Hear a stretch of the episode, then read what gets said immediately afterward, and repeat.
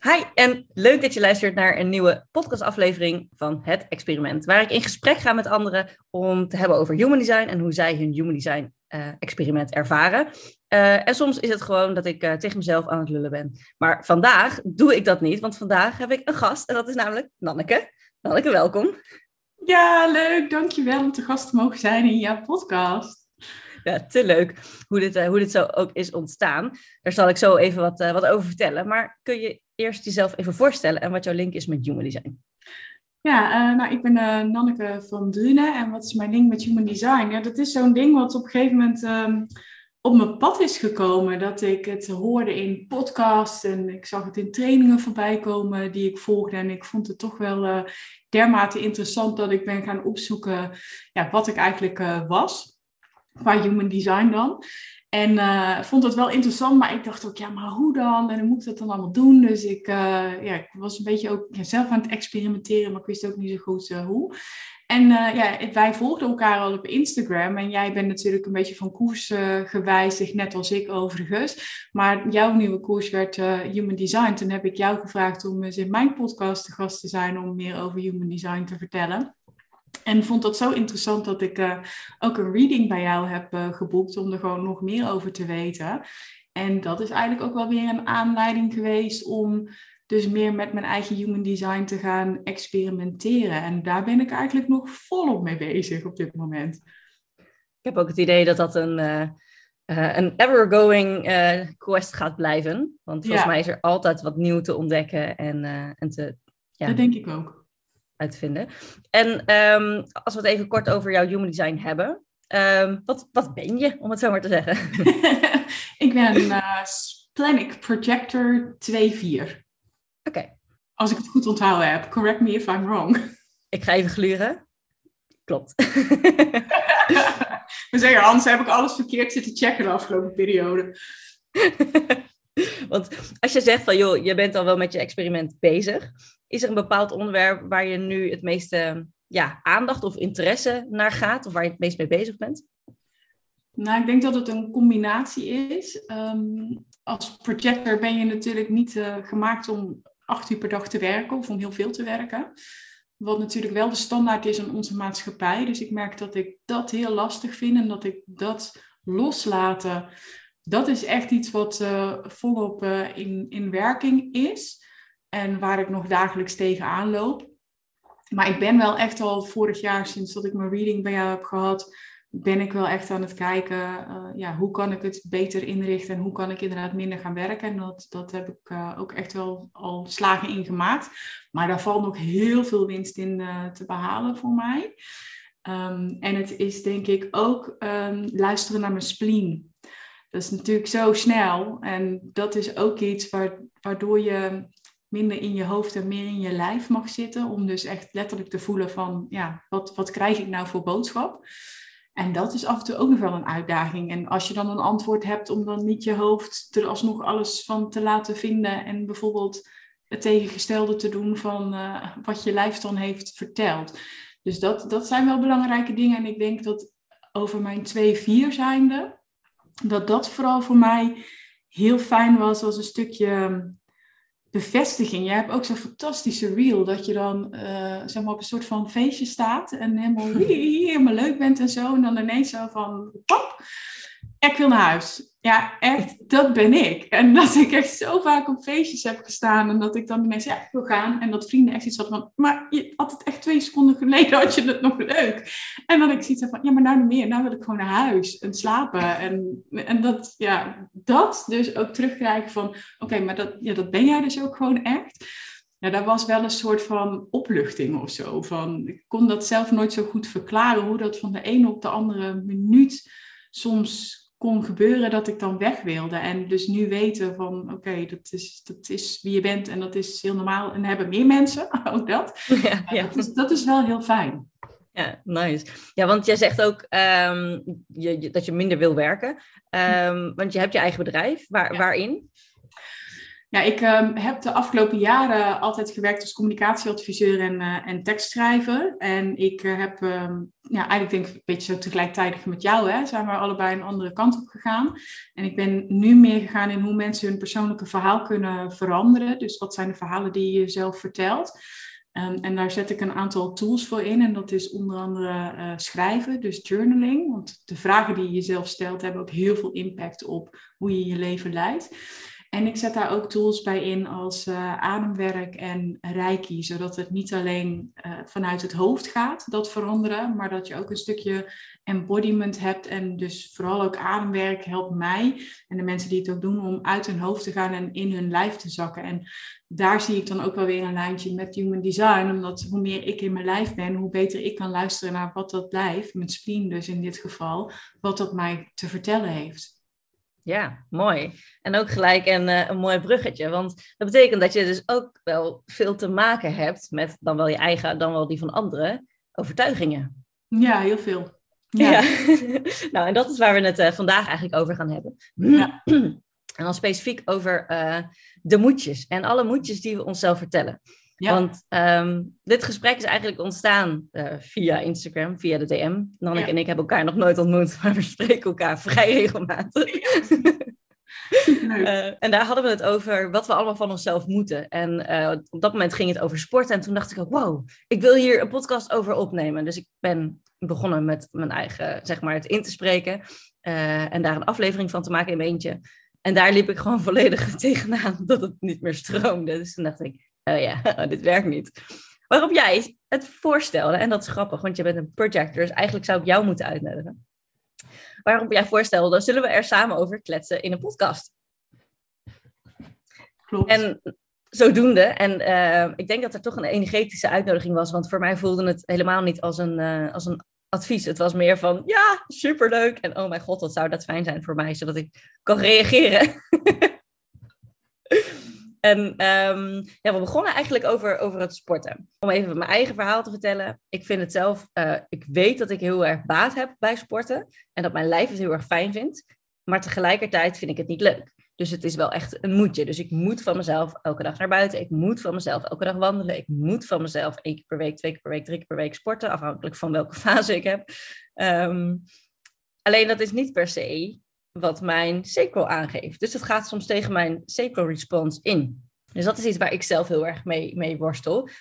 Um, hoe zit het met jou en moedjes? Hoeveel moet jij van jezelf?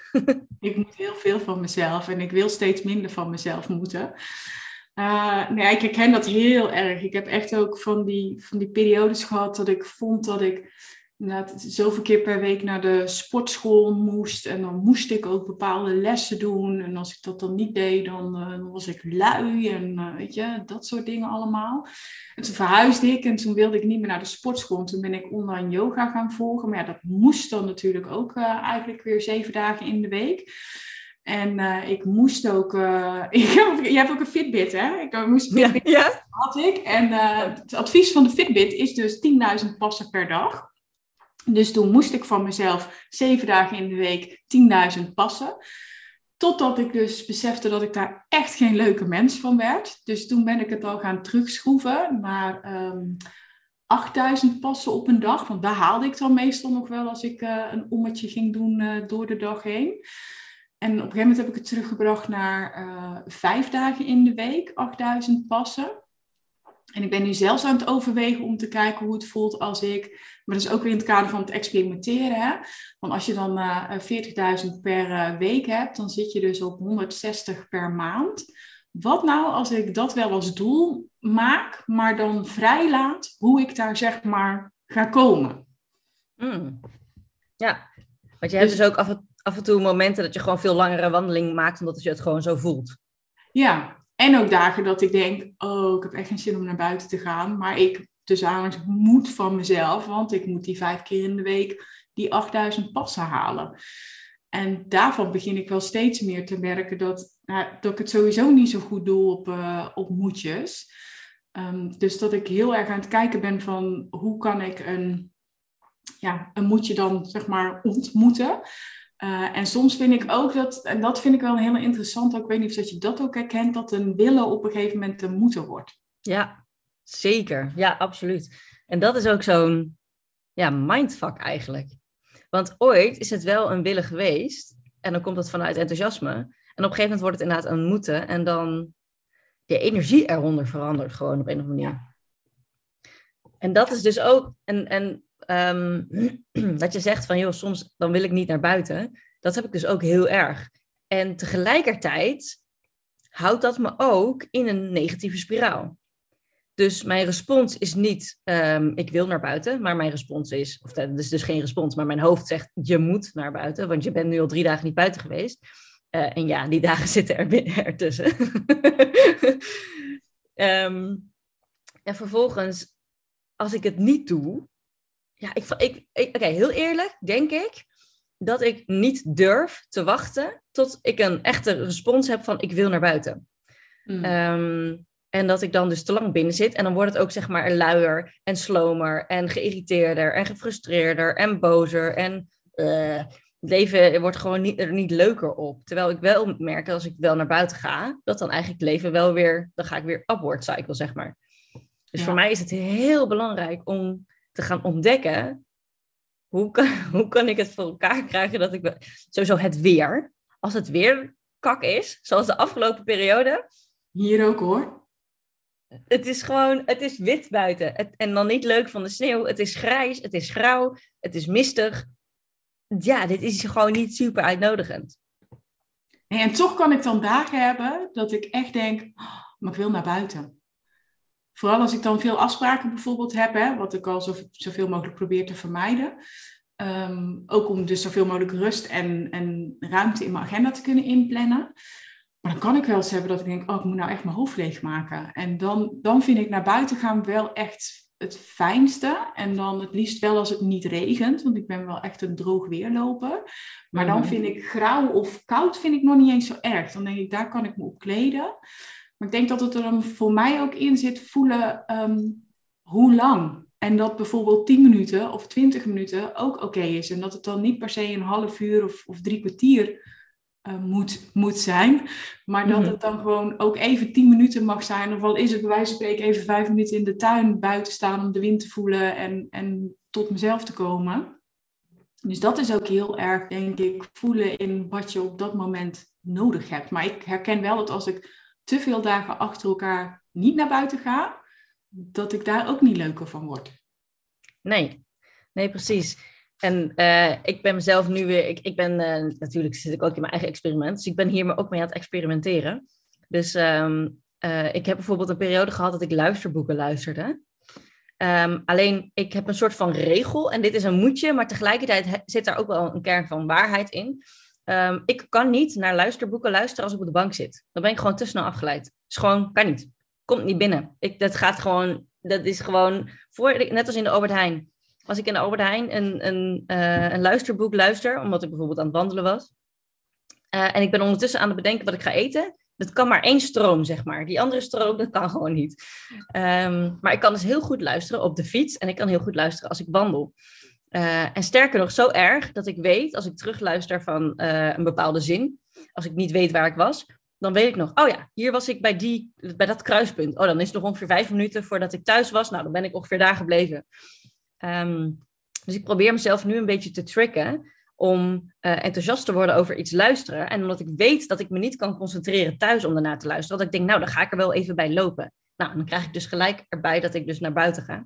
Dus ik heb nu allemaal uh, Human Design uh, podcast dingen, een lijstje gemaakt waarvan ik denk, oh, dit wil ik graag luisteren. En dat ik vanuit daar mezelf naar buiten beweeg. En vanuit daar, als ik in mijn buiten ben, en wat jij ook zegt, 10 minuten is ook prima. Maar ik heb heel vaak, als ik buiten ben, ik woon op een, uh, in een flat en dan moet ik veel trappen lopen. Dus heb ik vaak nog geen zin om trap te lopen. Dan denk ik, nou, dan loop ik nog wel een stuk verder. Hey, en podcast, kun jij die wel thuis op de bank luisteren? Nee, nee, onmogelijk. Ja, dat kan ik dus wel. Ik luister ook heel veel inderdaad, ik luister meer naar podcasts dan naar luisterboeken. Ik lees dan toch liever dan dat ik luister naar een boek. Ook omdat ik dan terug kan lezen en zo en kan strepen eventueel. Maar podcast, dat, kan ik allebei. Ik kan het ochtends heerlijk vinden om tijdens mijn morning ritual, zeg maar, even 20 minuutjes op de bank een podcast te luisteren. Maar dat doe ik ook heel graag als ik wandel. Ja, nee, ik kan dus inderdaad niet uh, zittend podcast luisteren. Ik weet niet wat het is, maar dan neem ik het ook niet op. Dus ik kan een soort van, als ik ga wandelen, dan kan ik er een soort van goud opzetten dat ik, ehm, dat ik het dan ook opneem. Ik ga heel even gluren in je chart. Ja, jij hebt um, een, uh, een focused mind en een focused brain. Dat zijn die uh, pijltjes bovenin. Ja. Uh, en ik heb een, een receptive mind. Dus het zou daarmee te maken kunnen hebben dat ik dus eigenlijk iets anders moet doen om hmm. te zorgen dat het binnenkomt.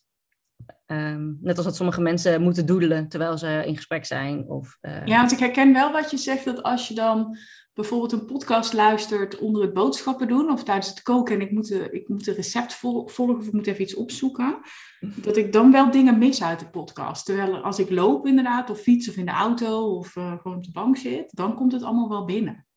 Ja, ja precies. En het is wel heel grappig, want um, ik was gisteren aan het wandelen uh, met een podcast op. Uh, niet de meest makkelijke podcast, geloof ik. Weet ik even niet meer. dan zou ik dan moeten lopen, dan weet ik het weer. Toen stond er een man in de bosjes.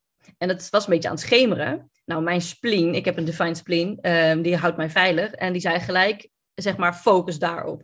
Ten eerste, wat doet die man in de bosjes? Ten tweede, is hij gevaarlijk? Ten derde, uh, als hij eruit komt, komt hij achter mij aan of gaat hij de andere kant op? Dus ik was echt vol alert.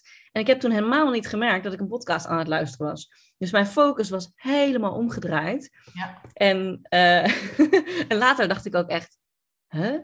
hè, maar uh, waar, ging, waar, waar ging de afgelopen tien minuten over, weet je wel? Omdat ik daar blijkbaar best wel lang ja, bewust mee bezig was. Ja. Uiteraard niks gebeurd. Dankjewel, Spleen. Uh, toch voor het, uh, voor het veilig houden, want je weet het nooit. En wat helpt jou om minder van jezelf te moeten? Oeh, heel vaak op mijn bek gaan. Ik ben de derde lijn, dus dat zal er vast mee te maken hebben.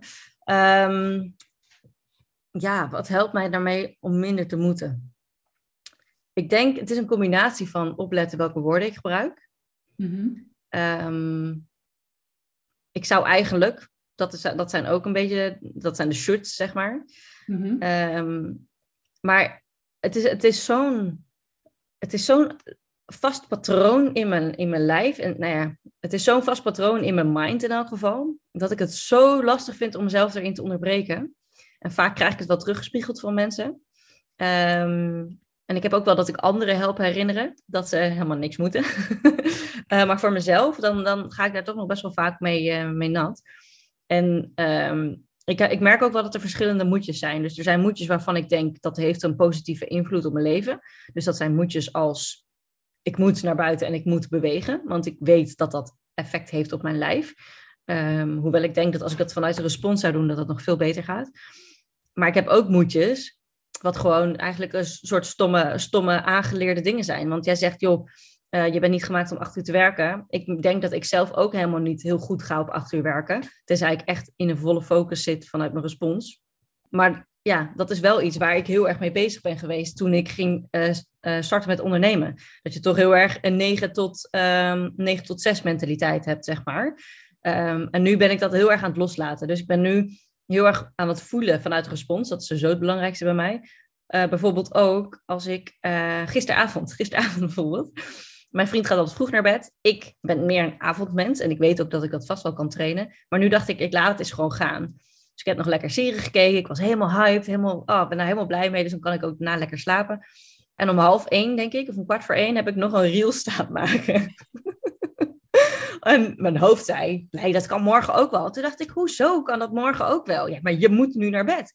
Nee, ik moet helemaal niet naar bed. Hij slaapt al. Het maakt hem niet uit of ik om één uur naar bed ga of om drie uur. Uiteindelijk was het ook gewoon in tien minuten gedaan hoor, gemaakt.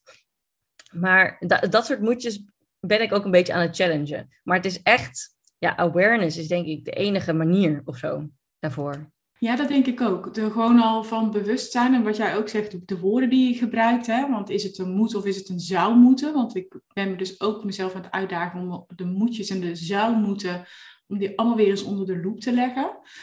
Um, en dan tegen jezelf zeggen van ik wil het. Waarbij je dus wel op moet passen dat zo'n wil dan weer niet een moetje gaat worden door de tijd heen.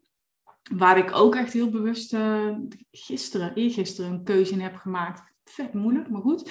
En um, dus dat, maar ook gewoon kijken van wat, wat, wat wil je nou echt in plaats van wat zou je moeten of wat moet je. Ja, het gaat ook gewoon zo vaak tegen je, tegen je design in, de moetjes. Een van de dingen die ik moet van mezelf is dat ik veel zichtbaar ben op Instagram.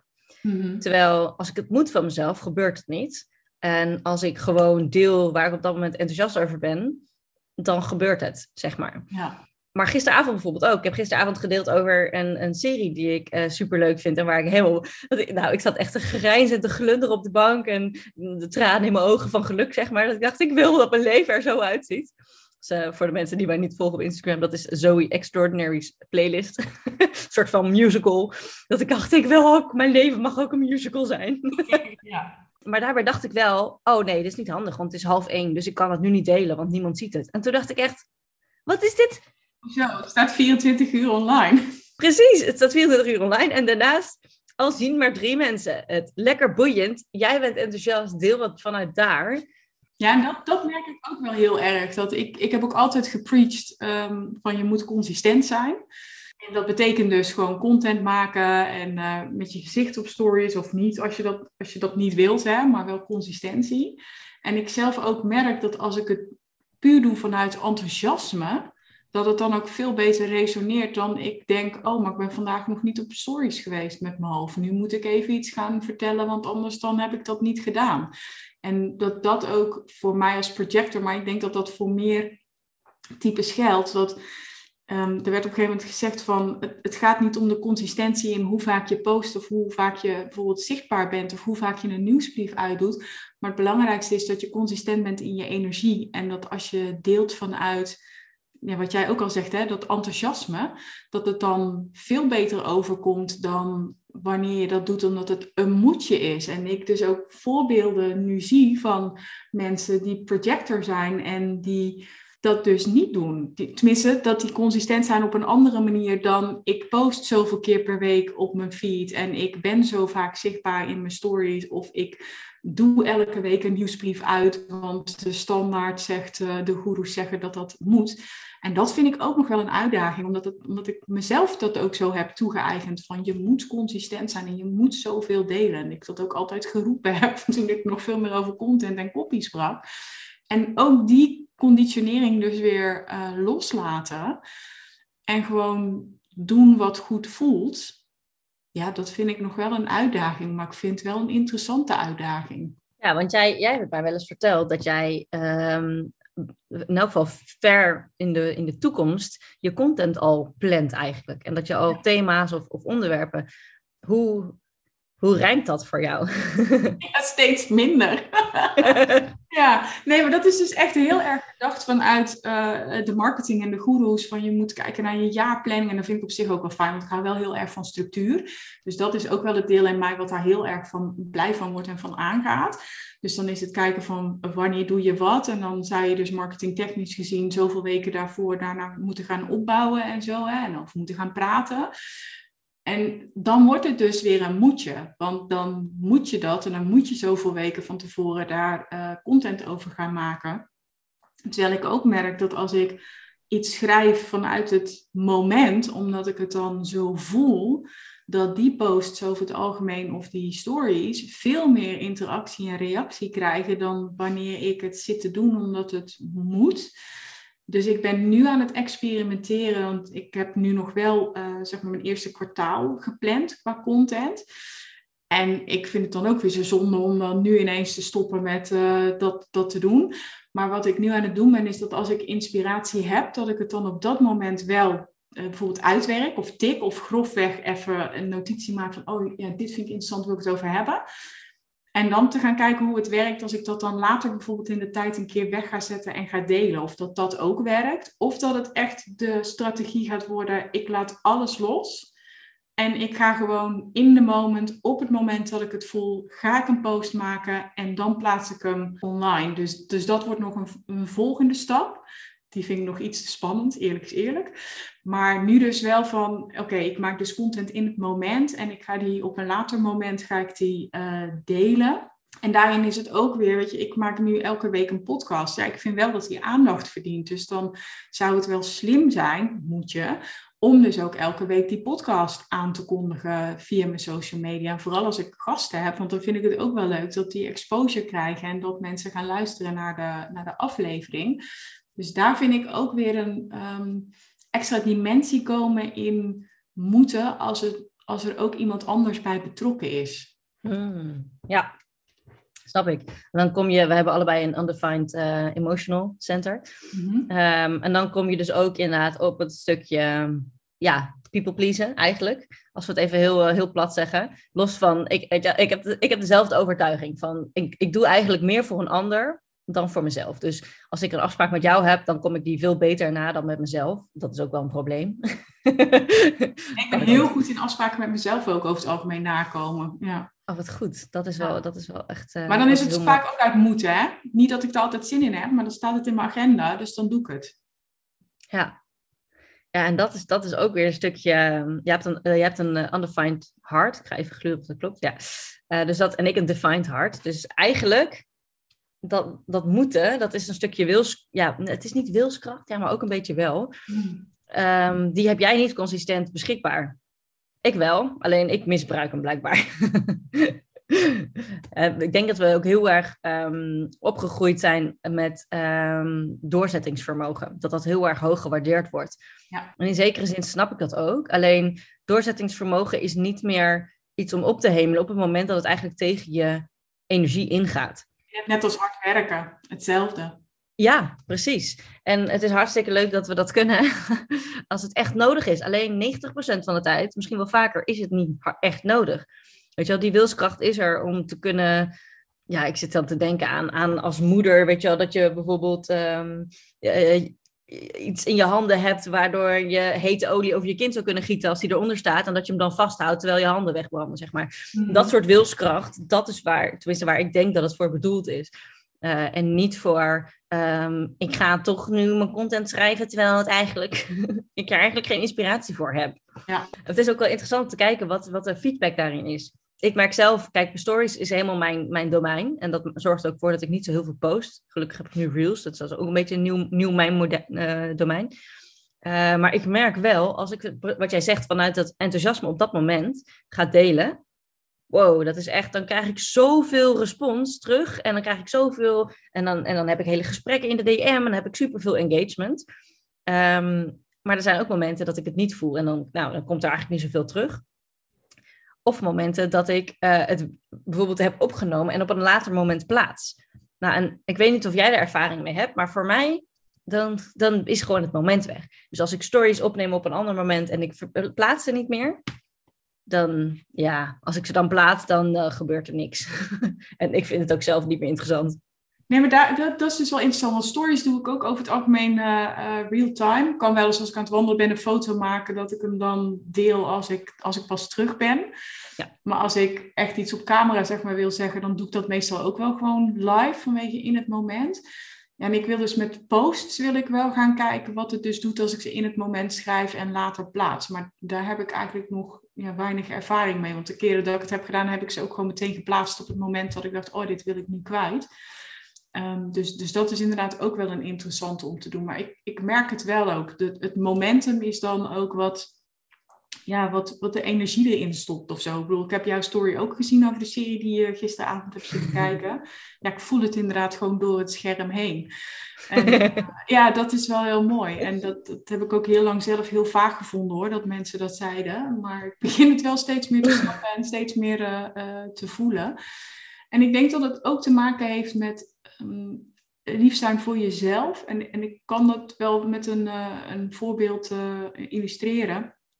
Ik heb uh, in 2019 in oktober daarbij te horen gekregen dat mijn ene schoonzus, ik heb er twee, dat die acute leukemie-diagnose had. En dat deed heel veel met mij. Ik was echt heel verdrietig om. En toen kreeg ik het aanbod van iemand die zei van, ja, ik wil jou wel rijkje sturen. En ik was echt heel sceptisch en ik dacht, ja, het zal allemaal wel. Dus toen waren er twee mensen die dat deden en ik kon echt, ja, ik zat op die bank en dat deed ze op afstand. En ik dacht, oh, maar ik, ik voel gewoon echt iets. Ik zou echt liegen als ik zou zeggen dat ik niks zou voelen. Dus ik was zo getriggerd dat ik dat zelf wilde leren. En toen heb ik um, ook daarna geleerd om dat op afstand te geven. En dat is ook wel weer een mooie als ik terugkijk naar mijn human design. Ik had meteen zoiets van, ja, dat wil ik leren, ook zodat ik dat naar mijn schoonzus kan sturen. Want ja, die heeft natuurlijk geen immuunsysteem en dus ik kwam daar ook niet bij dan is het heel mooi dat je op afstand iets kan doen. En dan ben je heel erg geneigd om te zeggen, ik kan dit voor jou doen, laat me jou helpen, weet je. Maar ik heb dus gewacht. Ik heb een keer gezegd van, ja, weet je, als je het wil, dan uh, dus wel de opening gegeven. En toen heeft ze er op een gegeven moment, op, uh, in de zomer, heeft ze er zelf om gevraagd. Dus toen werd ik uitgenodigd om dus Reiki te gaan doen, ja. Dus dat ben ik toen gaan doen samen met iemand anders. En dat hebben we vanaf juli tot nou ja, begin januari hebben we dat elke dag hebben we dat, nou, bijna elke dag hebben we dat gedaan.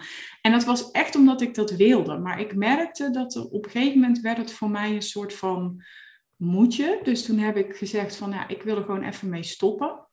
Dus toen heb ik zes weken geen reiki gestuurd en die ander nog wel naar mijn schoonzus. En toen begon het op een gegeven moment weer te kriebelen, dat ik dacht van, oh ja, maar ik, ik wil het wel weer doen. Dus toen ben ik het zo één, twee keer in de week, op de momenten dat ik het voelde, dat ik dacht, want had ik altijd een vast tijdstip, dat ik oh ja, nou heb ik er zin in. Dat ik dan aanhaakte. En toen kreeg mijn schoonzus afgelopen zomer weer te horen dat de uh, leukemie terug was. Ja, super verdrietig natuurlijk. Dus toen hebben we ook weer gezegd, oké, dan gaan we het weer elke dag uh, doen. Ook weer vanuit, dit wil ik voor jou doen. En toen is die ander is in uh, oktober gestopt, helemaal prima. Dus toen ben ik door blijven gaan met reiki geven. En ik merkte het verdorie weer, hè? dat ik was dat een half jaar aan het doen of zo. En de willen was weer veranderd in een moeten. Dat ik dacht, ja, ik zit hier elke avond. En daardoor werd het een moeten. En ik voelde dus ook wat jij net zei. Ik voelde gewoon dat de energie in het sturen van die reiki, dat die veranderde omdat het van een willen in een moeten aan het veranderen was. En ik dacht, ja, maar dat is niet oké, weet je. En ik mag nu dus ook echt voor mezelf gaan kiezen en dus zeggen van ja, ik, wil stoppen met jouw reiki geven. En dat, dat is wat ik net ook zei, van het is zo, ik vind het lastiger als er iemand anders bij is, want dan moet ik dus gaan zeggen tegen mijn schoonzus van ja, ik heb iets wat jou helpt, maar ik wil daarmee gaan stoppen. En dat is ook wel interessant wat er dan in je hoofd gebeurt. Hè? Dat ik dan denk, oh nou ik vind ze me egoïstisch en stom en dan help ik er niet meer en dan ben ik er niet meer voor de. Terwijl ik mijn schoonzus natuurlijk al lang genoeg ken en weet dat zij echt wel heel goed gaat reageren, maar toch dat dat even in je hoofd zit. En natuurlijk reageren ze ook met, oh nee, ik snap het helemaal en super en uh, dankjewel dat je er al die tijd hebt gedaan. Maar ja, dat voelt dan wel heel, heel gek dat dat door de loop van tijd van dus een, een willen in een moeten gaat. En om dan dat moeten er weer af te halen. Zelfs als er iemand anders dus bij, uh, bij komt kijken. Ja, dat vind ik wel echt ook een uitdaging. Dus dat, als je het dan hebt over experimenteren, dan wow, zitten we er ook nog uh, volop in. Ja, maar ook wel heel mooi dat je zegt vanuit projector-wise dat je hebt gewacht op de uitnodiging. Ja. Tot zij jou uitnodigde. Ja. En ik ben ook wel nieuwsgierig voor als er weer een periode gaat komen dat je misschien wel weer voelt dat je het wil geven. Of zij ehm, je nog een keer zal uitnodigen daarvoor. En hoe het, of het dan anders voelt. Tuurlijk, is, dan mag je altijd nog voelen. Hè? Als iemand je uitnodigt, betekent niet dat je het automatisch moet gaan doen. Uh, want jouw spleen vertelt je dan of je dat wel of niet, uh, niet wil. Maar dat is wel, wel interessant, want ik kan me ook voorstellen dat op het moment, misschien is daar ook iets in veranderd, in, een soort, in die uitnodiging misschien, dat, uh, dat het voor haar misschien op dat moment ook minder belangrijk was, waardoor een soort van die connectie is verbroken. Ja, dat, dat weet ik dus. Dat heb ik er ook nooit gevraagd. Um, en het mooie is dat mijn broer op een gegeven moment um, ook zelf heeft gevraagd of dat ik hem Reiki wilde sturen. Die altijd heel erg terughoudend was, omdat hij denk ik bang was dat als ik het ook naar hem zou sturen, dat er dan minder naar mijn schoonzus zou gaan. Mm. Maar op een gegeven moment zei hij zelf ook van, oh, wil je mij ook alsjeblieft meenemen? Ja, tuurlijk wil ik dat doen. Um, ja, en dat is wel een mooie vraag. Van stel dat ze, dat ze me een keer gaat vragen, want dat denk ik wel dat ze, dat ze dat doet hoor, als ze echt voelt dat ze het nodig heeft. En wat dan mijn reactie gaat zijn, ja, geen idee. Dat, dat gaan we inderdaad zien.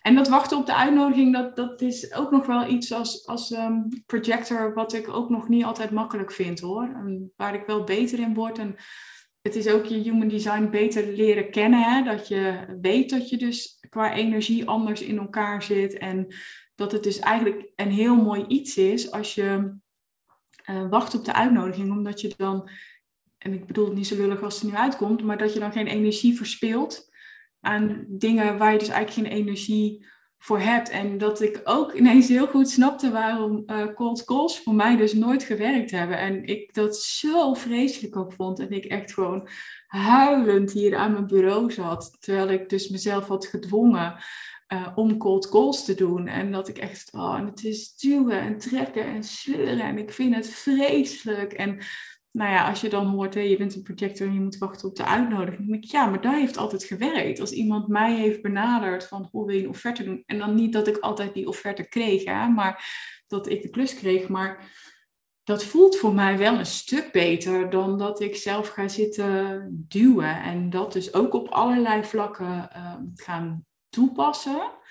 En dan aanvoelen ja, of het nou bestaat of niet. Hè, maar uh, ligt er al een energetische opening of niet? Want ik weet bijvoorbeeld bij vriendinnen dat ik, dat ik niet letterlijk hoef te zeggen, te wachten totdat ze zeggen: Goh, Nanneke, wat vind jij daar nou van? Maar dat die wel openstaan voor advies. En soms ook niet, dan voel je dat ook wel aan. Maar daar dus mee spelen, ja, dat, dat vind ik ook wel heel erg mooi. Maar dat is bij jou natuurlijk ook met het wachten op de reactie. Hoe, hoe voelt dat voor jou? Ja, en dat is wel heel grappig, want ik zit nu denk ik een jaar of twee in mijn experiment. En uh, het is heel grappig, want in het begin ging je heel erg diep, weet je wel, alle, alle details in. En hoe langer ik in mijn experiment zit, en hoe meer ik eigenlijk naar de basics terug ga. En dat is ook wat ik iedereen zag doen. En dat iedereen zei, nee, je moet terug naar de basics. Dat ik zeg, ja, dat is leuk, maar mijn autoriteit zegt nog niet. nu niet. Ja. Nu niet. Maar um, dat wachten op de respons, ja, ik vind dat super lastig. Um, ik merk het heel duidelijk op bepaalde momenten dat ik aanga. En dat, zeg maar, wat dat betreft is het verschil ook wel echt heel groot voor mij tussen geen energie en wel energie voor. En ik denk ook dat mensen in mijn omgeving dat ook aan mij zien. Dat ze zien dat ik ergens van aanga. Dus als ik over, over human design vertel, dan, dan, ik krijg ook heel vaak terug uit van mijn klanten dat ze zeggen: Wow, dit is echt jouw ding. Je bent echt uh, on fire. En dus je straalt zoveel veel energie uit. Dit is helemaal jouw zone of genius. Um, alleen ik denk dat ik voor mezelf gewoon nog niet bewust ben hoe weinig ik eigenlijk aansta. Dus hmm. als ik kijk naar mijn gemiddelde dag, ja, ik zeg tegen mijn, tegen mijn klanten, joh, uh, 80-20 uh, is het meest ideaal. Natuurlijk zitten al dingen tussen die niet helemaal eh, zo, zo werken. Maar ja, ik zit een heel groot gedeelte van mijn dag zit ik niet in, in respons. En het grappige is, ik heb daar ook echt hele dikke vette overtuigingen over. En dan komen we weer terug bij de moedjes.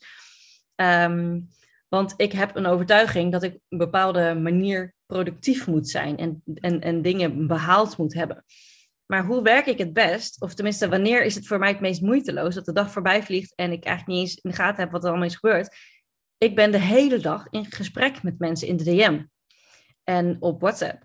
En 90% van de tijd gaat dat over human design. Dus is het wel werkgerelateerd. En op die manier heb ik ook heel veel klanten uh, geworven, onbewust. Uh, want ik doe ook niet aan actieve sales. Yo, als, je, als je het leuk vindt om een, om een uh, reading bij mij te doen, vooral doen. Als jij mij niet leuk vindt, vooral niet doen, want dat is niet leuk voor ons allebei. um, maar het is, het is echt, um, bijvoorbeeld van de week, uh, weet ik even niet meer wanneer het was, maar toen had ik een hele dag inderdaad actief was ik, uh, naar aanleiding van stories waar ik heel erg um, heel veel engagement op kreeg, ben ik de hele dag in de weer geweest met mensen beantwoorden en in gesprek erover gaan en dat soort dingen. En wat mijn hoofd dan zegt aan het einde van de dag, leuk Iske, je hebt nou de hele dag waarde gegeven aan iedereen, één op één, in stories, in whatever. Maar wat levert het je op? Want hier krijg je geen klanten uit. En natuurlijk, op de lange termijn krijg ik daar wel klanten uit. Um, maar in het moment heb ik het gevoel van, wat heb ik nou de hele dag gedaan? Ik heb de hele dag zitten chatten. Nou, goed. Goed gedaan, Iska. Duimpje. dus dan gaat mijn mind, die is daar echt uh, ruthless in. Uh, want die vindt dat ik dus dingen had moeten doen. Ik, ha mm. ik had um, content moeten maken, of uh, blog ervan moeten schrijven, of een podcast ervan moeten maken, of nou ja, maar je hebt toch net zo goed aan marketing en sales gedaan, alleen op een manier die blijkbaar veel beter bij jou past. Klopt, ja. En daar zitten dan overtuigingen in, omdat het niet tastbaar is. Omdat ik niet kan zeggen, kijk, ik heb een, deze blog vandaag geschreven. Dat vind ik dan heel, heel lastig. Ja. Ja, en dat herken ik ook nog wel hoor. Dat, dat het natuurlijk is over je moet dit en je moet dat en je moet zus en je moet zo. En dat dat ook maar weer de vraag is of dat dat het beste gaat werken. Want ik heb het ook gemerkt toen ik in mijn, mijn oude vak zeg maar nog sprak over copy, content en storytelling. En ik meer ging vertellen over hoe schrijven je kan helpen helen. En daarna dus uh, ademwerk erbij ging doen dat ik dat ook regelmatig van mensen terugkreeg. Van ja, maar Nanneke, nou zie ik je stralen. Nou ga je aan, weet je. Of dat je van ja, maar dit is dus blijkbaar echt jouw ding. Dat ik dacht, ja, dat klopt wel. Maar dan zit toch nog dat, dat oude beeld erbij van... Ja, je moet inderdaad uh, vanwege SEO en weet ik veel wat, moet je allemaal uh, blogs maken en content. En dat dat dus ook zo'n overtuiging is die we met z'n allen maar hebben geaccepteerd. En het is dan wel heel mooi, vind ik, en ik weet niet hoe dat voor jou werkt, maar als ik dus mensen zie, en dan vooral als ik andere projectors zie, want dat is natuurlijk heel fijn, die dan zeggen, oh ja, nee, dat doe ik allemaal niet. En dat ze dan toch heel succesvol zijn. En dan eh, zie ik soms ook mensen die dan zeggen, ja, ik werk zes uur in de week en ik heb echt uh, multiple six figures. En dan zit ik daar en denk ik, zes uur in de week? Hoe dan? Hoe dan? Ja, hoe dan? En, maar dat, dat vind ik dan ook wel weer heel interessant, want dan denk ik, ja, het kan dus wel. Nou weet ik niet of dat ik heel gelukkig zou worden van zes uur werken in de week. Um, maar gewoon dat het kan, dat vind ik al zo vet inspirerend. Dat ik denk, oké, dus daarin dat, dat experiment uitgaan en of aangaan. Ik ben ook aan het nadenken, maar ik, dat weet ik ook niet of dat durf. Want ik volg iemand op uh, Insta die dat nou doet. Die heeft nou een sabbatical. En dan denk ik, oh, dat lijkt me ook zo fijn. Gewoon drie maanden de stekker eruit trekken. En gewoon zeggen, ik heb een sabbatical. En als ik zin heb om iets te doen, dan doe ik het. En als ik er geen zin in heb, dan doe ik het lekker niet. Maar dan gaat mijn hoofd ook al meteen weer. Want dan denk ik, ja, maar je hebt een podcast en die komt elke week uit. En moet je dan vooraf gaan werken? Of uh, zeg je dan gewoon mensen, ik kom drie maanden niet podcasten. En weet je, dus dat is ook wel zo'n hele mindfuck van dat ik nu al moeilijk ga doen over een sabbatical die ik nog niet eens heb gepland, zeg maar. Ja, en dat is denk ik ook, angst is een slechte raadgever. En dat is hier natuurlijk ook wel heel erg gaande. Terwijl als ik kijk naar mensen die heel lang van de radar verdwenen zijn en dan weer terugkomen. Het is niet dat ik dan nooit meer iets van ze doe of koop of whatever. Er is een manifester die ik uh, online volg. En die is gewoon maanden weg. Uh, en ze zegt dan ook, ja, ik voelde hem niet, want ik ben uh, on the roof. Zij is een zesde lijn en de set and return is net geweest. Ik zeg, ja, ik zit on the roof, dus ik heb gewoon heel veel terugtre terug, terugtrek tijd nodig. Zo, lekker woord. Ja. Um, en die pakt ze ook. En, uh, en ja, het is niet dat ik kan zeggen, tuurlijk, ik ben wel eens geïrriteerd dat ik denk, oh, ik wil eigenlijk meer van haar kopen. Dus eigenlijk, uh, ik sta te zwaaien met mijn geld van bring me new stuff. Ja, ja precies. En dat, en dat heeft ze dan niet. En dat is uh, op het moment dat ze dan weer iets nieuws heeft, dan leg ik gewoon 400 dollar neer voor een uh, workshop van twee uur. Ja. En dan denk ik, ja, terwijl zij is maanden van de radar af geweest. Ja, weet je, dus het is, ik denk ook niet dat het zomaar weggaat. Ik denk eigenlijk zelfs, als ik het zo bedenk, dat de impact groter is als je hem niet voelt en je doet het toch, dat mensen dat voelen, dan als je gewoon niet zichtbaar bent. Ehm, en dat je dan ook gewoon later zegt, uh, ja, tenminste, je hoeft het niet eens uit te leggen, maar dat als je weer terugkomt, als je wel die energie eronder voelt. En dat, ik, denk, ik denk dat je eigenlijk meer schade kan aanrichten als je deelt vanuit de verkeerde energie. Nee, ja, eens hè, maar dat gaat dus zo in tegen alles wat we omarmd hebben van consistentie en zichtbaarheid en dat soort dingen. En ik merk dat ik dat zelf dus ook nog heel spannend vind om dat los te laten. Terwijl ik, ik ben uh, op mijn 29ste ben ik uh, zeven maanden alleen op wereldreis geweest. Ik nou reizen in deze periode nog wat lastig. Maar dat ik echt dacht, oh, dat is zo fijn. Gewoon niks moeten. En gewoon, ik, ik heb ook fotoalbums daarvan. En dat had ik meegenomen toen naar mijn nieuwe werk. En die leidinggevende daar, die zei, Nanneke, ik zie jou door de tijd heen alleen maar ontspannender worden. En toen dacht ik, ja, dat is wel waar. Ik ga ook zo aan van reizen. En toen dacht ik, hoe fijn zou het gewoon zijn hè, om dat weer eens een keer te doen. Maar ja, mijn hoofd vindt daar van alles van. Maar gewoon het gevoel wat ik dan al krijg bij, oh, weet je, gewoon even helemaal niks moeten van jezelf. Dat is het ook, hè, van mezelf. Ja, dat voelt toch ook wel heel erg fijn. Ja, en als je dat zo vertelt, dan denk ik ook, ik probeer heel erg naar die surrender te gaan, maar ik denk dat ik continu stiekem op de handrem sta. Hmm. En dat ik niet volledig durf over te geven, precies wat jij zegt. En uh, soms dan geef je jezelf ruimte. En dat heb ik vorig jaar gedaan, want toen was ik een beetje overwerkt. Um, en toen heb ik dat voor twee maanden gedaan. Nou, dat werden drie maanden, drieënhalf. En dat, dat vond ik heel erg. En toen gaf ik mezelf ruimte om inderdaad even niks te moeten. En dat ik dacht, het komt wel weer. Het komt wel weer. Ik vertrouw erop dat het wel weer komt. En toen kwam het weer. En dan komt er dus weer een fase dat het daarna weer inzakt. En dan, en dan ga ik forceren, weet je wel. In plaats van, nee, uh, mee met die app en die flow. En echt dat durven loslaten en durven vertrouwen op dat het wel komt wanneer het moet komen. En dat het dan vanuit de juiste energie gaat. En wat heeft dat jou gebracht toen je dat dus die periode wel hebt gedaan? Oeh, um, heel dubbel. Het is, zeg maar, het is echt een innerlijke strijd. Dus om even een voorbeeld te geven. Ik was op vakantie naar, uh, naar Italië en ik zat daar. En uh, ik heb daar ook een blog, nee niet openbaar, maar ik heb daar een blog voor mezelf over geschreven. Um, want mijn hoofd zei letterlijk, je moet nu ontspannen. Jij bent op vakantie en je wilde toch in Italië zijn?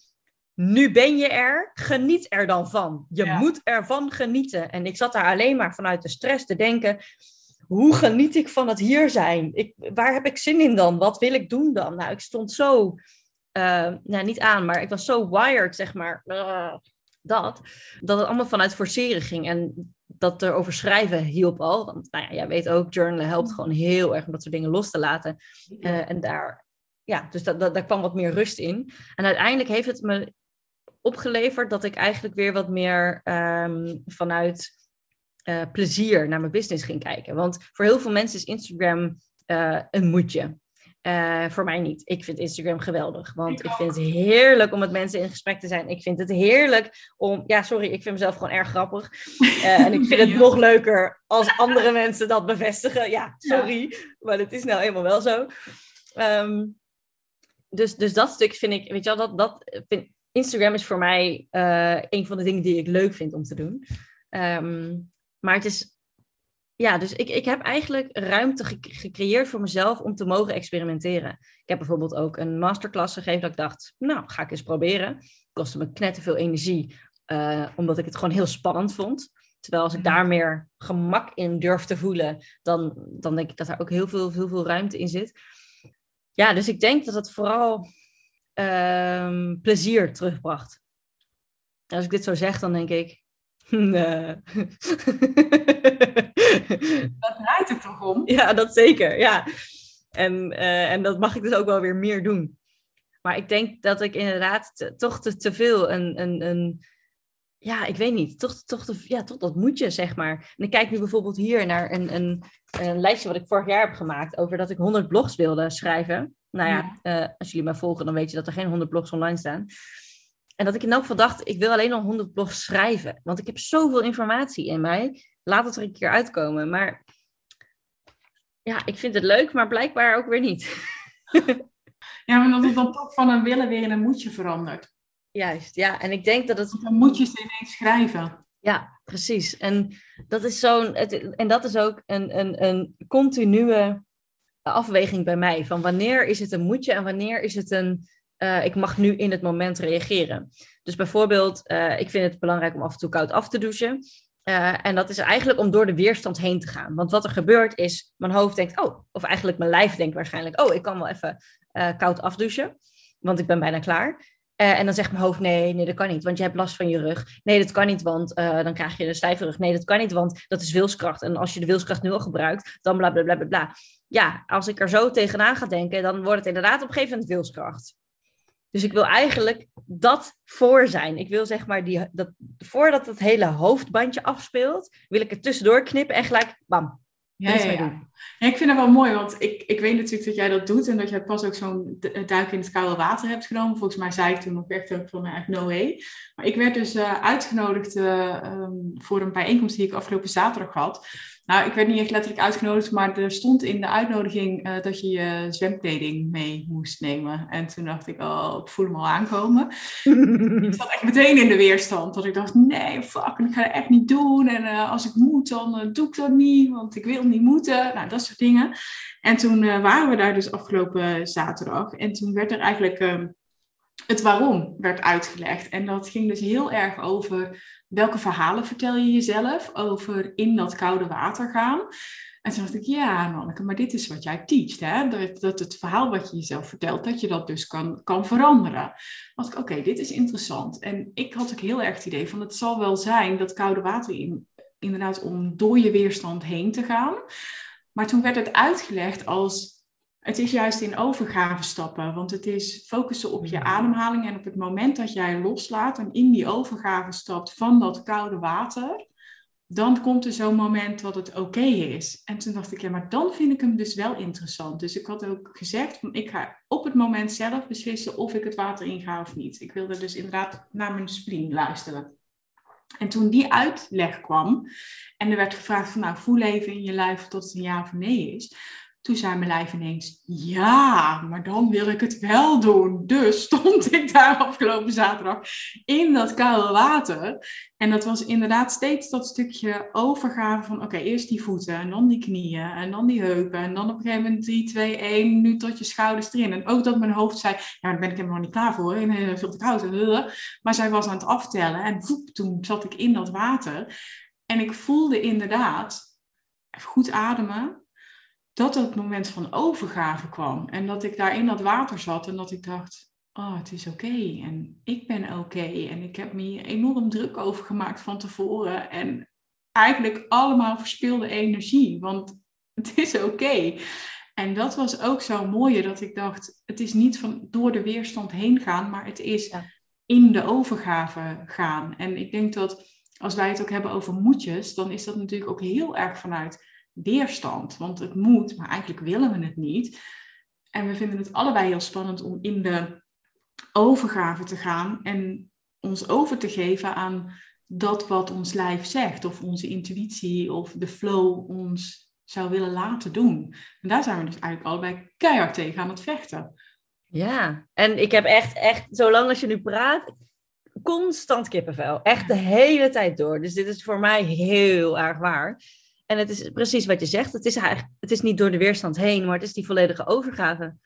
En uh, grappig is, en nou klopt, nou klikt er bij mij ook weer een stuk. Een van mijn doelen van dit jaar, ik, ik werk een beetje met jaarthema's of jaarrichting, zeg maar, mhm. is um, die balans vinden tussen uh, lichaam en geest. Mhm. En met geest bedoel ik dan zowel mind als spirit en dergelijke. Maar in elk geval dat het zo samenkomt.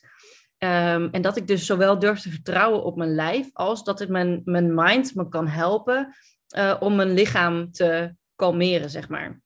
Dus met meditatie, met breathwork. Want dat doe je toch vanuit een bepaalde manier ademen. Want dat is niet wat, je, wat je lichaam standaard zegt. Klopt. Um, uh, en op die manier eigenlijk die verbinding te versterken. En dat is ook bijvoorbeeld, ik heb zo'n kapsessie gedaan. En daar mm. was dat voor mij ook heel erg. Ik geef me letterlijk over aan mijn lijf. En mijn lijf, weet je wel, um, beweeg maar of doe maar wat, wat jij nodig vindt. En ook wat je zegt met dat in dat koude water gaan.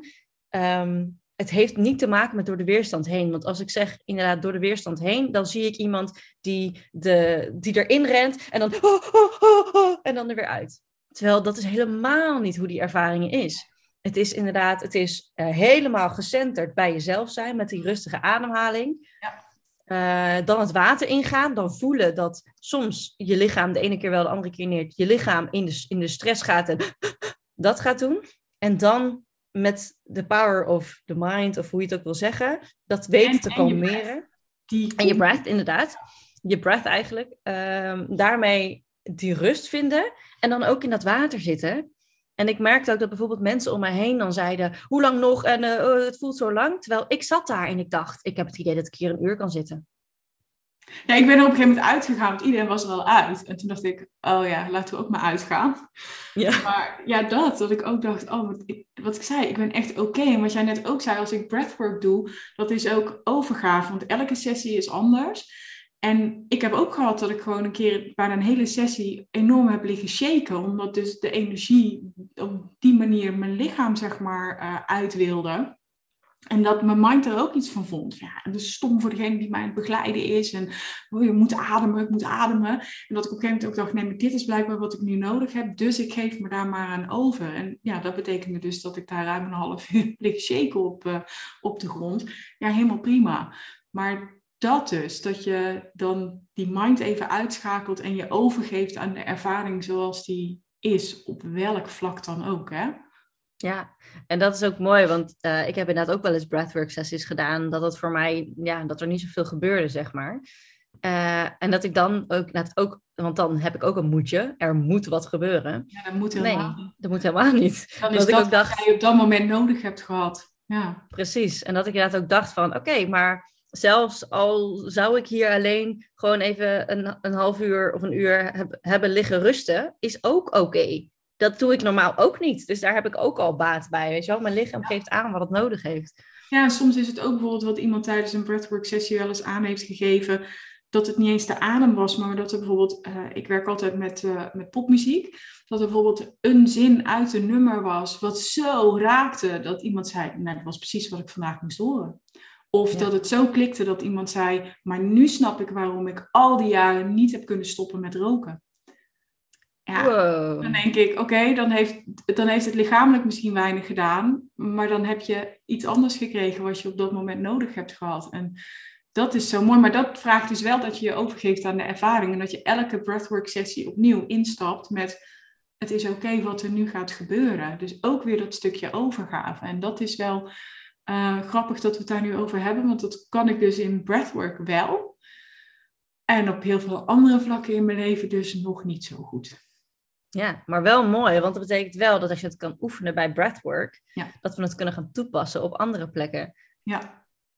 Mooi, want ik zit inderdaad ook te denken, um, ik, ik, weet dat journalen mij heel erg helpt. Ik heb daar jaren knetterveel weerstand op gehad en ik wilde altijd een journal practice, maar het wilde niet. Um, en ik weet niet, ik denk dat er inderdaad een bepaalde overgave is, dat ik die, van die weerstand ben weggestapt. Ook al staat er nog op een boekje um, Who Wins Today, Resistance or You, zoiets. Mhm. Eh, maar inderdaad, het voelt niet alsof ik door de weerstand heen ga. Het voelt inderdaad als een overgave. Het voelt als, ik heb een soort van mindset shift gemaakt, waarvan ik denk, uh, ik ga even met mezelf kletsen. En dat zorgt dus voor een openheid of zo. Of een, ja, ik denk toch ook die overgave van uh, kijk maar wat er komt. En als er niks komt, is dat ook oké. En als er komt uh, het boodschappenlijstje en wat we vanavond gaan eten, is dat ook goed. En um, dat is wel, uh, ja. Ja, en daar oké mee zijn, hè? want je hebt ook de morning pages van Julia Cameron. En dan moet je dus elke ochtend drie pagina's volschrijven. Nou, ik heb het geprobeerd. Daar ga ik dus heel slecht op. Maar ook daar oké mee zijn en dus een manier vinden die voor jou werkt. Ik, ik ben pro-journalen, maar ik journal niet elke dag. Ja, nu weer een maand lang om in het kader van uh, dankbaarheid. Maar structureel in mijn leven journal ik niet dagelijks. Ik doe dat op de momenten dat ik voel dat ik daar behoefte aan heb. En soms dan maak ik het nog intenser doordat ik bijvoorbeeld mijn eigen programma Schrijf jezelf beter ga volgen. Hè. Dan doe je het vier dagen op een rij. Ehm, maar dan voel ik dat dat op dat moment is waar ik behoefte aan heb. En mijn behoefte ligt hem dus niet bij elke dag journalen. Hoe krachtig ik het ook vind. Hè? Er zijn mensen voor wie het echt fantastisch werkt. En dat is ook wat ik denk dat, dat iedereen mag doen, is kijken van wat werkt voor jou. Ik ben echt fan van ademwerk. Er zijn mensen die vinden het vreselijk. Ja, prima. Vind iets wat voor jou werkt. Dus zorg dat je een toolbox hebt met dingen die je fijn vindt en doe die op de momenten dat het ook echt meerwaarde is. En dan ga je dus ook weg van de moedjes maar dan is het echt een, dit wil ik op dit moment. En dan denk ik dat het ook makkelijker is om daar met overgave in te stappen dan wanneer het moet van jezelf. Ja. Ja, dat denk ik ook inderdaad. Inderdaad, de morning pages heb ik ook gedaan. En dat werkt voor mij een stuk... Wat vond jij ervan? Uh, heftig. Ja, uh, ik heb dat... Uh, ik kan me herinneren, ik had er een mooi boek voor en zo. Dan heb ik toen 26 dagen heb ik het echt, echt strak gedaan. En dan ook echt A4. Dus echt grote drie, bladzijden, drie bladzijden. En nu, wat ik nu doe, is, want ik had er wel echt heel veel weerstand op. Uh, en ik heb het ook zeker niet die twaalf weken vast volgehouden. Voor geen meter lukt dat. Maar ik heb nu dat ik doe wanneer ik er zin in heb, eigenlijk. maar ook veel laagdrempeliger. Dus ik daag mezelf wel uit om net iets meer te schrijven dan dat ik comfortabel mee ben. Omdat anders komt inderdaad alleen dat boodschappenlijstje eruit. Ja. Um, maar het is wel dat ik vaak ja, het is wel dat ik zeg maar uh, mezelf de ruimte heb gegeven om uh, bijvoorbeeld vijf minuten te schrijven. Of een stukje te schrijven. En er was een ander projector friend die mij dat advies gaf van, joh, eh, doe anders gewoon even vijf minuten. En dat is, en da daar is voor mij ook nog wel dat ik denk, oké, wanneer is het weerstand waar ik even doorheen moet? Zeg maar even die vijf minuten schrijven en dan komt de rest vanzelf. en wanneer is het, en wanneer is het een moedje? En zit er zoveel weerstand op dat eigenlijk niet de bedoeling is dat ik het doe, zeg maar. Ik denk dat je dat zelf voelt. Ja. Dat je voelt wanneer het echt vanuit moeten is of wanneer het weerstand is, maar dat je weet dat, dat er zeg maar winst aan de andere kant ligt. Ja. Ja, want met sport is dat bijvoorbeeld ook. Uh, als ik uh, voel, uh, als ik ook maar het slightest idee voel van ik heb misschien wel een beetje zin om te spinnen, dan moet ik daar gelijk op acteren van mezelf. Um, tenminste, dat moet, zeg ik dus weer. Ja. Dan, dan, wil ik, dan wil ik eigenlijk die feedback loop zo kort mogelijk houden, omdat ik weet dat ik anders mijn hoofd ertussen gaat zitten. dus wat ik soms ook doe bijvoorbeeld, ik zeg tegen mijn vriend, en dan komt hij er op een ander moment, als ik nog niet ben geweest, komt hij me nog, ik heb een spinningfiets thuis, dan komt hij er nog op terug. En hij zegt, ga je nog spinnen vandaag? En dat is ook een vraag waar ik op kan reageren. En soms is het antwoord ook nee. En dan zeg ik nee, ik heb eigenlijk meer zin in een wandeling. Nou, dan ga ik een wandeling maken, prima. En dan is dat ook oké. Ik heb niet zoals mijn vriend dat hij echt, oh, ik heb zo'n zin om, nou ja, en dan een sport. Dat ik denk, eh. Nou ja, dat, dat kan ik af en toe wel hebben. Um, maar ook niet altijd hoor. En ik weet wel dat toen ik echt een tijd fanatiek in de sportschool uh, bezig was, toen heb ik een, mezelf een week vakantie gegeven. En toen merkte ik dat ik op een gegeven moment zo opgefokt was dat ik dus niet aan het bewegen was, dat ik dus maar een stuk ben gaan fietsen. Hmm. En ik moest die energie moest ik gewoon kwijt, wat ook wel een hele rare ervaring was. Maar wat ik ook bijvoorbeeld heel fijn vind van de yoga die ik nou thuis doe, dat ik ook kan beslissen per dag. Ja, nu niet, want ik doe nu de 30 days uh, uh, van uh, yoga, yoga with Adrian. Dus dan bepaalt zij zeg maar welke les je doet. Maar dat ik s ochtends kan bedenken van, oh, heb ik nou zin in een actievere les? Of heb ik meer zin in een mellow les? En dat je daar ook een stukje vrijheid hebt om te voelen wat je op dat moment nodig hebt. Want dat was natuurlijk wel, als ik naar de sportschool ging, dan schreef ik me in voor een les. En dan moest ik die les doen. En dat was dan ook nog volgens Les Mills. Dus dan had je drie maanden dezelfde les. En dan kreeg je weer een, een nieuwe routine. Dus dan wist je van tevoren al zo ongeveer wat er ging komen. Dan kon je alleen nog even bedenken, ik leg er een ander gewicht op of niet. En dat vond ik op een gegeven moment ook wel super saai worden. Maar dan ging ik, omdat het goed voor me was om te sporten. En ik vooral heel erg blij was als ik de sportschool weer uit was. En ik dacht, dat... oh, dat heb ik weer gedaan. Ik ben goed bezig geweest, weet je wel. En dat dat nu wel echt weer aftast is. En ik denk dat dat ook is wat jij zegt met bijvoorbeeld wandelen. Ik zet het wel in mijn agenda voor mezelf, dat het als een afspraak met mezelf in de agenda staat. Maar ik denk dat ik ook nog steeds meer mag gaan voelen van op welk moment van de dag heb ik er nou eigenlijk het meeste behoefte aan. En dat kan dus zijn dat ik ineens tussen twee afspraken doordenk, oké, maar ik ga nu even naar buiten. Terwijl het misschien drie uur later pas in mijn agenda staat. En dat dat ook steeds ja, toch wel meer luisteren naar je lijf is en wat je nodig hebt. Ja, en als jij nu toch zoiets doet waar jij, uh, wat je voor jezelf als moedje had. Um, want ik denk de reden dat we dat ook doen, is dat we onszelf daarna heel goed voelen. Bijvoorbeeld als je zegt, ook bij de sportschool geweest. Wat goed van mij dat ik in de sportschool ben geweest, dat je je daar goed over voelt. Is voor jou die beloning nog net zo groot als vroeger? Als je doet wat je moest doen? Nee, Nee, en, en, maar dat is ook een leerproces geweest. Want ik weet nog dat ik uh, net in dit huis uh, was verhuisd. En dat was met kerst. En mijn ouders die waren hier in huis om mij te helpen. En het was op vrijdag. En toen zei ik tegen moeder, ja, dan moet ik straks, moet straks nog naar de sportschool. En ze zei, waarom? Ja, omdat ik me in heb geschreven voor die les. Maar ik werd echt wel moe bij de gedachte dat ik dan bodypump moest doen. En dat ik die barbel op mijn nek moest uh, met al die gevechten, gewichten. En dat ik echt dacht, oh, ik ga bijna in huilen uitbarsten als ik er alleen al aan dacht. Maar ik had me ingeschreven, dus dan moet ik dat doen. En toen zei mijn moeder eigenlijk van, nou, weet je, schrijf je gewoon uit. En dat had ik gedaan. Ik was zo opgelucht dat ik echt bijna wel kon huilen van opluchting. Maar dat was toen wel heel erg inderdaad dat ik, dat ik vooral heel goed voelde als ik het had gedaan. En nu denk ik van, als ik daarmee eigenlijk voorbij ben gegaan op wat ik op dat moment nodig heb, echt nodig heb, ja, dan hoe meer je daar denk ik bewust van wordt, hoe minder goed het voelt als je dat dus doet omdat het moet en niet omdat het is wat je wil of op dat moment nodig hebt. Ja. Waarmee ik niet zeg dat ik dat onder de knieën heb, hè? Maar... nee, maar ik herken dat ook.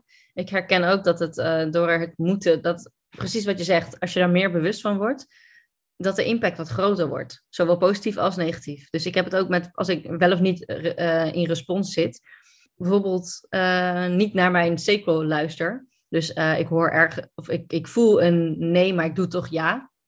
Mhm. Dan is voor mij ook de, impact veel zwaarder. Dus normaal gezien, zeg maar, als ik, als ik denk, moh, moh, dan, dan, dan ja, heeft niet zo heel veel impact. Maar nu, als ik duidelijk voel nee en ik zeg toch ja, dus als ik echt bewust tegen mijn sacral inga, zo, dan, daar betaal ik echt voor. Dat is echt alsof het zeg maar uitvergroot is nu met dat bewustzijn.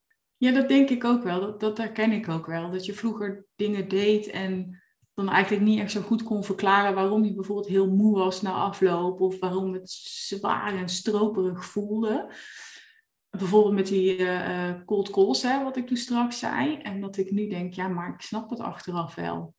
En nu met dat bewustzijn, want ik ga ook echt nog wel eens in tegen wat mijn lijf me zegt hoor. Ook omdat ik dan denk, ja, maar dadelijk vindt men er iets van als ik nee zeg. Waar je natuurlijk scheid aan moet hebben, maar goed, zover ben ik ook nog niet. Dat dat, dat meer kruim kost dan wanneer het iets is waar ik voor uitgenodigd word en enthousiast over ben. En dan denk, hé, hey, appeltje eitje. En dat je bij spreken nog net zoveel energie over hebt daarvoor als daarna. En dat is wel een heel groot verschil, absoluut. Ja, ja, dat merk ik ook. En ik merk het ook positief in de zin dat als, ik, uh, als mijn sacral een hell yes geeft. Um, ik heb van de week heb ik een, een vakantie nog geboekt, last minute. Uh, heel lekker. En daarin merkte ik ook, het was, ik had er, weet je, het was al een paar keer, was het al in mijn, in mijn awareness gekomen en ik had al een beetje uitgezocht, maar er gebeurde verder niks, weer een beetje uitgezocht en er gebeurde verder niks. Dus ik had eigenlijk een beetje de hoop opgegeven. En op een bepaald moment was het op zaterdagmiddag. En ik was weer zoiets aan het uitzoeken. En opeens pakte mijn lijf door. En dat is ook echt, mijn lijf pakte letterlijk door. Wat mijn vriend zegt, gaan we dit doen? En ik zeg, ja. En we hebben alles uitgezocht en geboekt. Uh, en daarna hebben we het geboekt en we keken elkaar aan en we zeggen, huh? Wow. Hebben we nou een vakantie geboekt? Nou, hè?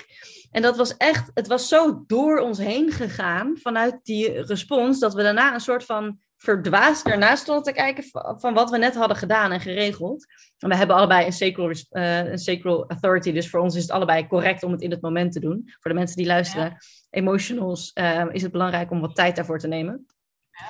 Maar het was echt, en, en, ik, en ik vroeg het aan hem, van hoe voelde dat voor jou? Hij zegt, ja, het is gewoon een soort van waas of zo. Dat we, we zijn echt zo vanuit, we hebben ons lichaam laten leiden. Uh, en ik ben er ook zo enthousiast over. Ik ben ook heel benieuwd hoe die vakantie gaat zijn. Of dat dus inderdaad, want het is een heel andere plek dan andere jaren. Want andere jaren, als we die vakantie boekten, dan was het heel erg, we moeten nu boeken. Want um, anders hebben we, weet je wel, hebben we een slechte prijs. En um, anders hebben we niks staan voor dan. En nou ja, weet je, heel erg vanuit daar. En dan eh, weerstand, ja, oké, nou, we gaan er nu voor zitten om dit nu uit te zoeken. Dat. Dus ik ben heel benieuwd hoe dat gaat zijn. Oh, ik herken dat wel. Ik heb uh, begin 2020 wilde, ik wilde nog een weekje weg. En ik was aan het kijken en ik had eigenlijk gepland dat ik in een bepaalde week in maart dat ik zou gaan. En ik was dus aan het kijken en iets in mij zei, nee, je moet een week eerder gaan. Ik dacht, ja, maar hoezo? Nou, doesn't make sense. Maar oké, ik doe het maar. Dus ik inderdaad uh, geboekt. En toen zat ik op die vakantie en toen zag ik alleen maar uh, berichten voorbij komen dat uh, hier in Nederland alle winkels uh, het wc-papier op was en zo. dat was net nog zeg maar in het ja. begin van de coronatijd. En ik ben dus letterlijk op zondagavond teruggevlogen met vertraging. En ik kwam om 7 uur op Schiphol aan.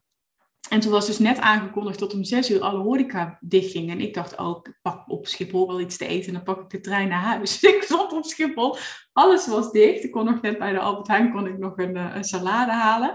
Maar dat ik ook in die trein naar huis zat en dat ik dacht, oh, maar wat goed dat ik geluisterd heb naar iets in mij wat zei, boek het een week eerder. Want vanaf de dag daarna zijn ze mensen gaan terughalen. En ik heb gewoon nog een prima vakantie gehad. En als ik een week later had geboekt, wat mijn plan was, dan had ik niet kunnen gaan. En dat was ook zo'n moment dat ik echt dacht, ja, ik moet daar naar luisteren. Wat niet wil zeggen dat ik dat sindsdien altijd heb gedaan. Maar dat zijn wel van die dingen, als je dan terugkijkt, dat je denkt, oh ja, zie je wel, dat werkt. Het heeft echt wel een reden. Ja. Dus ik ben ook heel benieuwd hoe jouw vakantie gaat bevallen. Ja, ik ook. En vooral ook, het is, het is zo bizar hoe dit soort um, dingen dan samenkomen. En ik hoor het vaak hoor. Ook iemand anders die zei van joh, ik, uh, het had een gevoel dat inderdaad niet moesten boeken, toch geboekt, ging niet door. Nee, dat soort dingen. Um, ja, het is, hoe vet zou het zijn als je dus altijd die wijsheid van je lijf, ook al weten we niet waar het vandaan komt, om dat te volgen. Ja. Heel gaaf. Magisch. Nice. Ehm, ik zou hem eh, graag willen afronden. Heb jij nog uh, iets van de moedjes die jij wil gaan laten vallen? Um, ja, wel meerdere. Ik denk dat mijn streven is om uiteindelijk zoveel mogelijk moedjes en zou moeten te laten vallen. Um, en ik ben daar al mee bezig. Maar ik denk wat voor mij misschien nog wel de grootste uitdaging wordt, is om dat te doen op het gebied van zichtbaarheid, waar we het net dus over hebben gehad. Omdat ik zelf heel lang heb geroepen van je moet consistent zijn en zo. En ik dan natuurlijk tegen mijn eigen advies uh, inga. Maar ik denk dat dat voor de komende periode wel een heel belangrijk is. En gewoon naar mijn eigen bedrijf weer eens te kijken. En te kijken, wat moet ik daarin allemaal van mezelf? Of wat zou ik moeten doen? En wat ga ik daarin loslaten? En ik denk wel dat als je dat op één gebied gaat doen, dat dat gewoon een ripple effect gaat hebben, ook in je privéleven. En dat het, dat het zo stukje bij beetje, zeg maar, meer komt naar ja, waar we het net over hadden. Dat je meer luistert naar wat zegt mijn lijf in dit moment en daarna handelen. Mooi. Mooi. En jij? Um, ik denk dat het voor mij ook is, ik wil graag loslaten wat ik allemaal moet vanuit bedrijfsopzicht. Um, dus uh, ook zeker bij, met zichtbaarheid. Maar ook alle moedjes van, ik moet nu ook een masterclass geven voor een ander type. Want anders sla ik een ander type over. Of um, dat soort dingen. Of ik moet nu een podcast met een bepaald onderwerp. Dat ik dat gewoon echt loslaat. Um, en ja, ik vind overgave echt een prachtig woord. En dat is heel grappig, want is, ik heb natuurlijk al een duizend keer gehoord. Maar vandaag kwam die even binnen. Dus dank je wel daarvoor. Dus ik ga zeker uh, overgave meer toepassen op dingen als het bewegen, als het sporten, als het... En, en toch, ja, ik denk dat ik toch echt wel... Ik merk hoeveel weerstand hierop zit. Om uh, los te laten, om niet elke dag naar buiten te gaan vanuit het stukje uh, moeten. Want ik merk dat dat stiekem toch nog is. Uh, maar dat ik echt ga overgeven aan het gevoel van oké, okay, wat, wat wil mijn gevoel en waar, ja, wat wil ik, zeg maar. Spannend. Mooie. ja, maar we gaan het doen. Ja, precies. Het is, het is grappig hoe, hoeveel uh, weerstand loslaten kan geven, laat ik het zo zeggen.